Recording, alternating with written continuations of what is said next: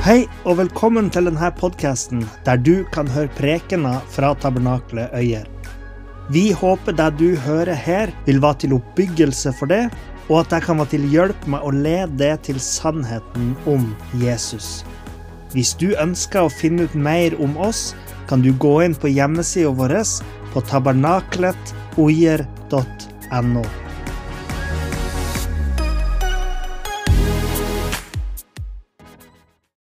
Jeg skal lese i dag fra Filippebrevet kapittel 4, eh, fra vers 2. Der skriver Paulus.: Jeg formaner Evodia, og jeg formaner Syntyke, til å ha det samme sinnelag i Herren. Og jeg ber også deg inderlig, du trofaste medarbeider, om å hjelpe disse kvinnene som kjempet sammen med meg i arbeidet for evangeliet, sammen med Klemens og de andre av mine medarbeidere som har sine navn i livets bok. Gled dere i Herren alltid. Igjen vil jeg si, gled dere. La deres vennlige sinnelag bli kjent for alle mennesker. Herren er nær. Vær ikke bekymret for noe, men la i alle ting deres bønneemner komme fram for Gud i bønn og påkallelse med takksigelse. Og Guds fred, som overgår all forstand, skal bevare deres hjerter og tanker i Kristus Jesus.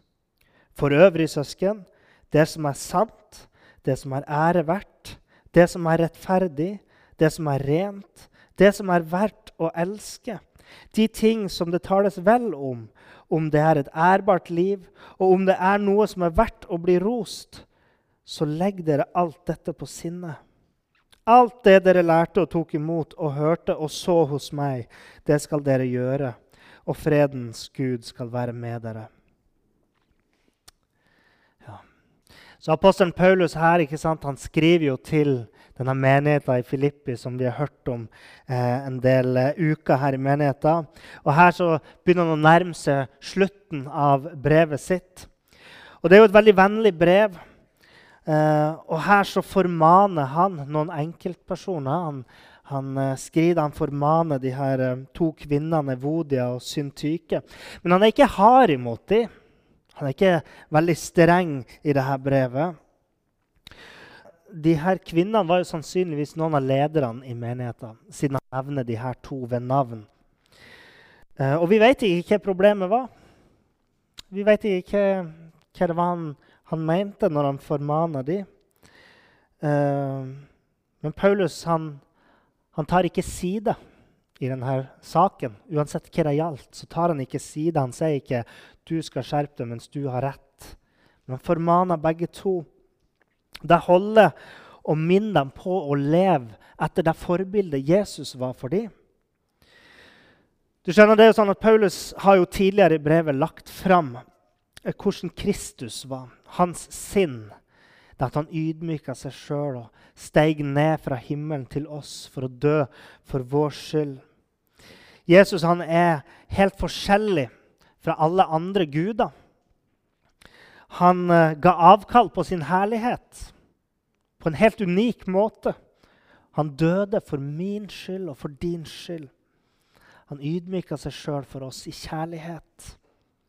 Og Paulus han trengte bare å minne de her kvinnene på eh, nettopp det her, det her forbildet om at de skulle ha samme sinnelag. Ha Kristi sinnelag. Og hva enn det var de var uenige om, så handler det ikke om det her innholdet i troa deres. De trodde på Jesus, begge to. De trodde på det at de ikke ble frelst fordi at de sjøl hadde vært snille nok eller gjort nok gode ting til å komme til Gud. Men de fikk lov til å komme til Gud fordi Jesus var denne mellommannen. Jesus var Gud som kom i vårt sted. Han tok straffen for all synd på seg sjøl, sånn at alle mennesker kan få lov til å komme til Gud gjennom Han ved at man setter sin tro og sin tillit til det Jesus har gjort for oss. Det trodde de på. Og hvordan vet vi det? Hvordan vet vi om at dette ikke handler om frelsesspørsmål? Jo, det ene er jo at Tidligere i brevet så hører vi Paulus snakke mye hardere om de som eh, forvrir evangeliet og legger til gjerninger og den slags. Og, og det samme ser vi i andre brev. Men her så ser vi det først og fremst fordi at de hadde sine navn skrevet i livets bok. Og det er overskrifta mi i dag. Et spørsmål som jeg vil stille til det i dag. Har du ditt navn skrevet i livets bok? Det er jo en sang vi pleide å synge når jeg var liten. Og den går jo sånn Det strømmer glede. Levende vann fra tronen strømmer gjennom meg. Jeg har mitt navn skrevet i livets bok. Jeg har mitt navn skrevet i livets bok. Kanskje noen har hørt den? Kanskje ikke. Men hva er livets bok? Det er jo ikke en bok som vi mennesker har i besittelse. Så det er ikke en bok jeg har ute på kontoret mitt. Det er ikke en bok som paven har i biblioteket sitt. Det er ikke medlemsregisteret her i menigheten.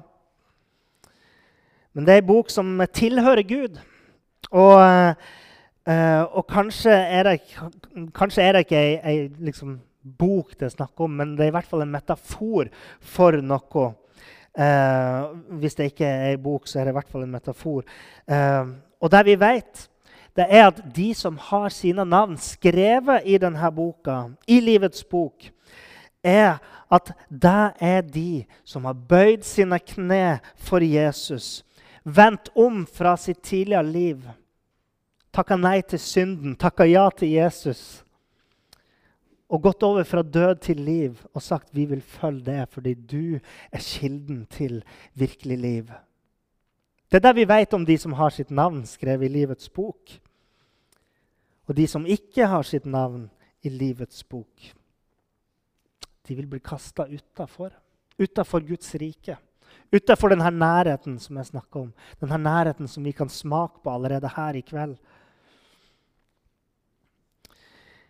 I en uh, film jeg så for noen uker siden, så møter vi en uh, ung jødisk mann som etter andre verdenskrig ikke vet om familien hans er i live eller ikke. Er basert, nei, filmen er basert på en roman.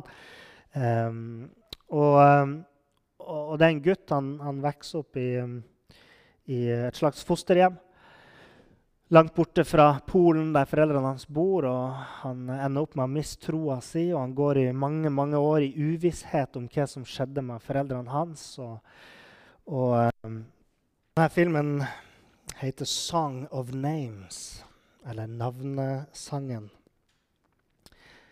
Som uh, gir et veldig sånn, troverdig bilde av slik den jødiske kulturen er, der de lager sånne resitasjonssanger for å huske ting.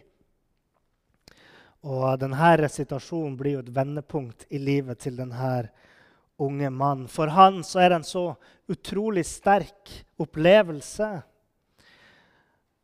um, at noen har tatt vare på denne lista over de døde, denne navnelista over de som har dødd. At i denne filmen så går han jo fra å være en ikke-troende til å bli en troende. Og Hvis de ikke hadde gjort det, så hadde alle de her navnene alle de her menneskene blitt glemt. Og livets bok, som jeg snakker om i kveld, er jo på en måte motsatt av den lista her. Men samtidig har de jo noe felles. Fordi de som har sitt navn skrevet i livets bok, de vil bli huska av Gud.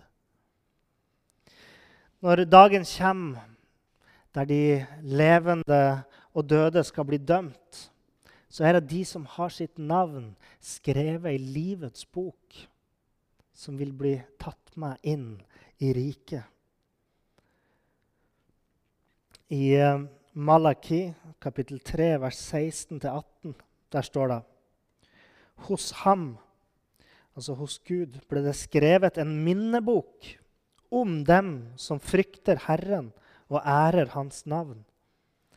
Den dagen jeg griper inn, sier Herren over herskarene, skal de være min dyrebare eiendom, Og jeg vil være mild mot dem, som en mann er mild mot en sønn som tjener ham. Da skal dere igjen se forskjell på rettferdige og urettferdige, på dem som tjener Gud, og dem som ikke tjener ham. Livets bok er ei minnebok. Ei minnebok over de som frykter Gud, som ærer Han, som tjener Han. Det er ikke en minnebok over de døde. Nei. Når Jesus kommer tilbake, så står det at uh, de som har sitt navn i livets bok, de skal være hans dyrebare eiendom. De kommer til å være levende fordi de blir huska av Gud. Og han skal være mild mot dem, som en far er mild mot sin sønn.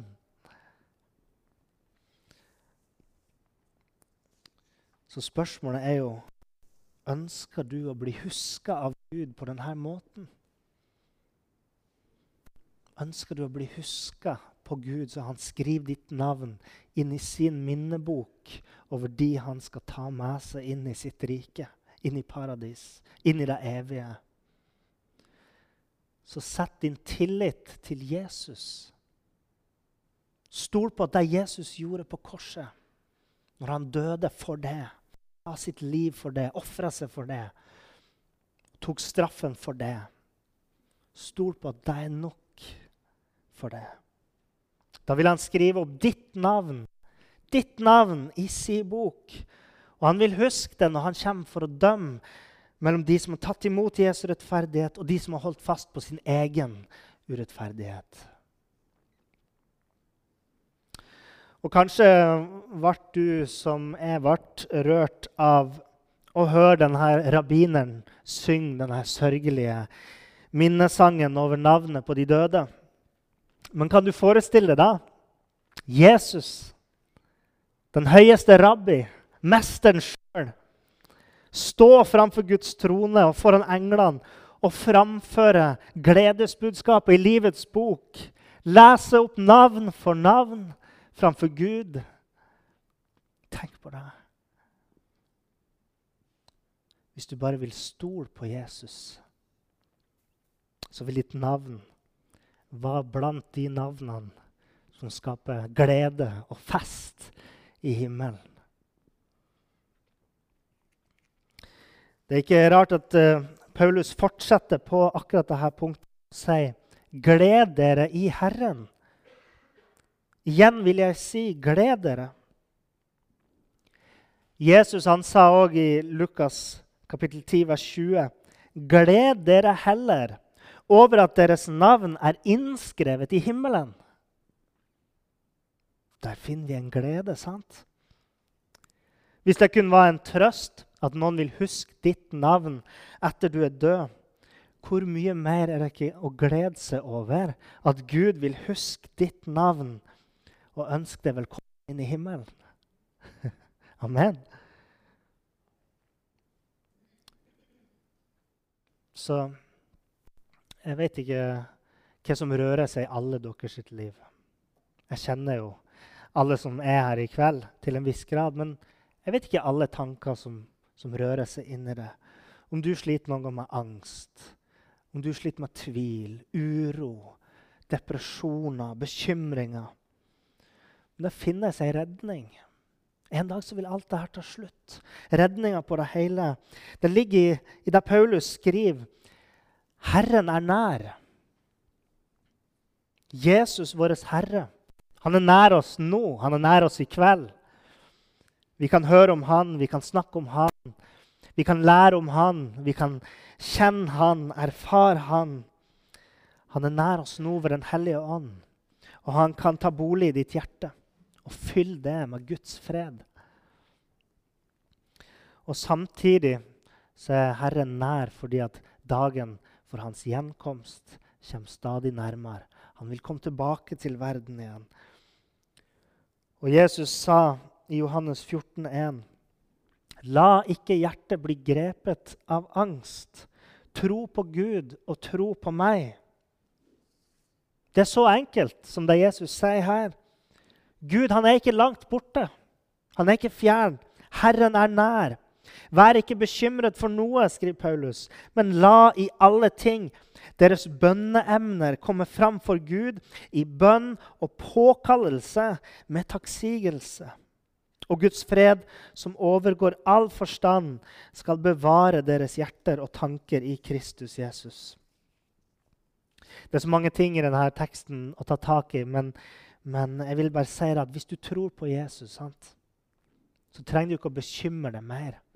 Fordi du vil ha ditt navn skrevet i livets bok. Da kan du komme til Gud i bønn. Du kan legge alle bekymringer på Han og bare si takk. Takk for at du har gitt meg alt.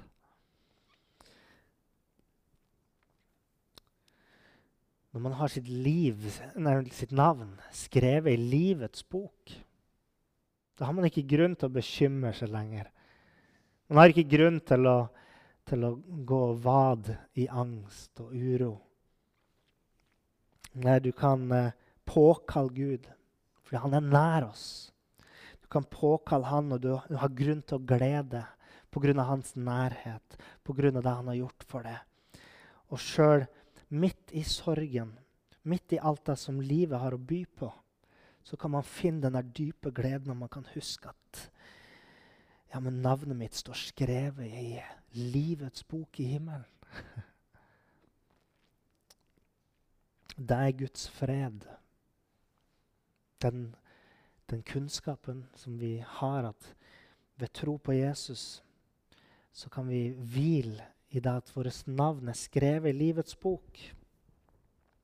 Det er Guds fred. Det er shalom. Da kan uh, Guds velvære komme inn i livene våre.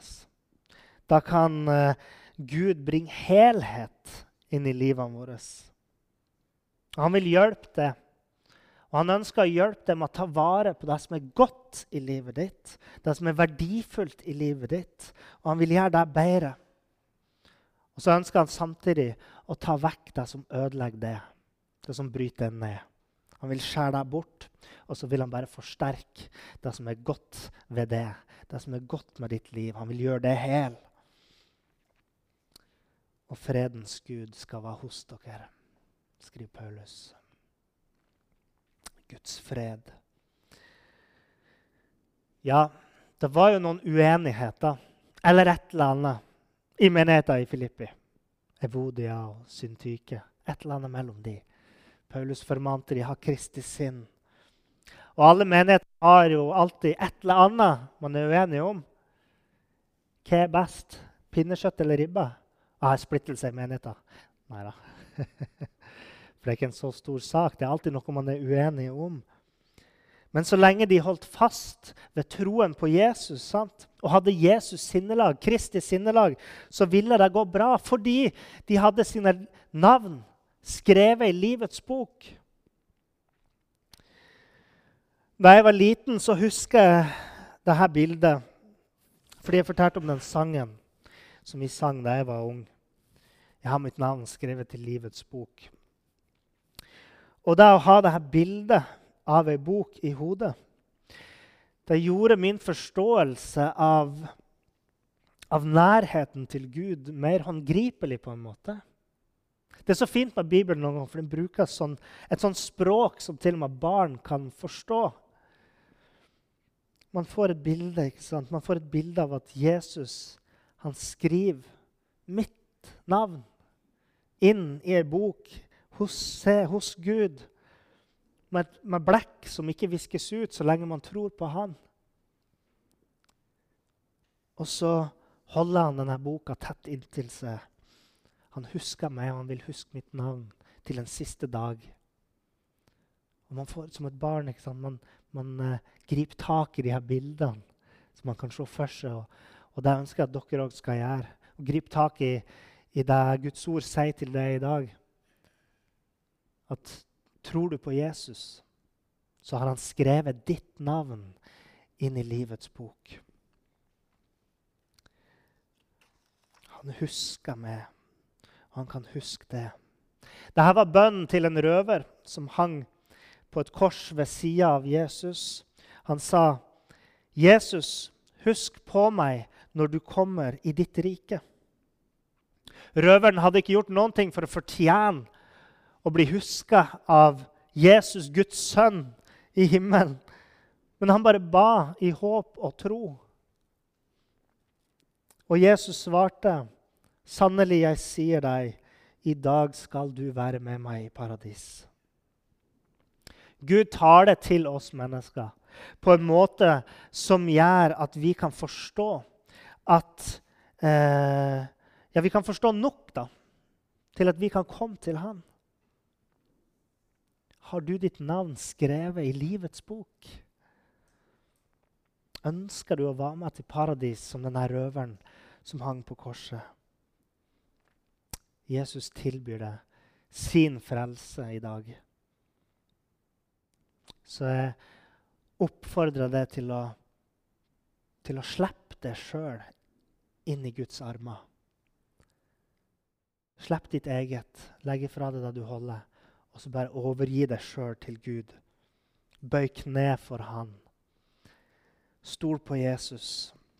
For det er ingenting større enn å bli huska av Han fordi du har ditt navn skrevet i livets bok. Da kan du be som, som eh, salmisten gjør i Salme 106, vers 4. Herre, husk meg i din nåde. Kom til meg med din frelse. Så ta med dere det i kveld. Mm, skal vi be. Herre Far, jeg bare kommer framfor deg nå og, og takker deg for, eh, for, ditt ord, Herre. Og jeg takker deg for det løftet vi har om at så lenge vi tror på det, vi roper til det om nåde, i håp om å få komme til det og få være sammen med det, så står det at du vil skrive vårt navn i ei himmelsk bok over de som har livet. De som har fått liv i det. Og Herre, jeg ber for hver enkelt som er her i dag, Herre. La de ta med seg hjem dette bildet i sitt hode av at du sjøl har skrevet eh, hans og hennes navn i din bok i himmelen. Herre, la troen vokse fram i deres indre, far.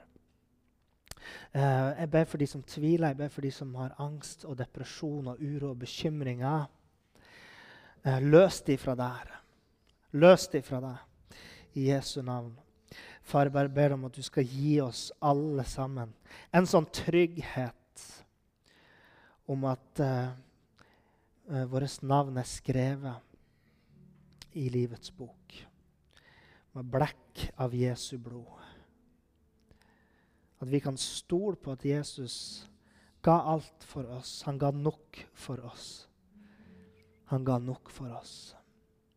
Hjelp oss til å tro på deg og gripe deg, Herre. Det ber vi om i Jesu navn. Amen.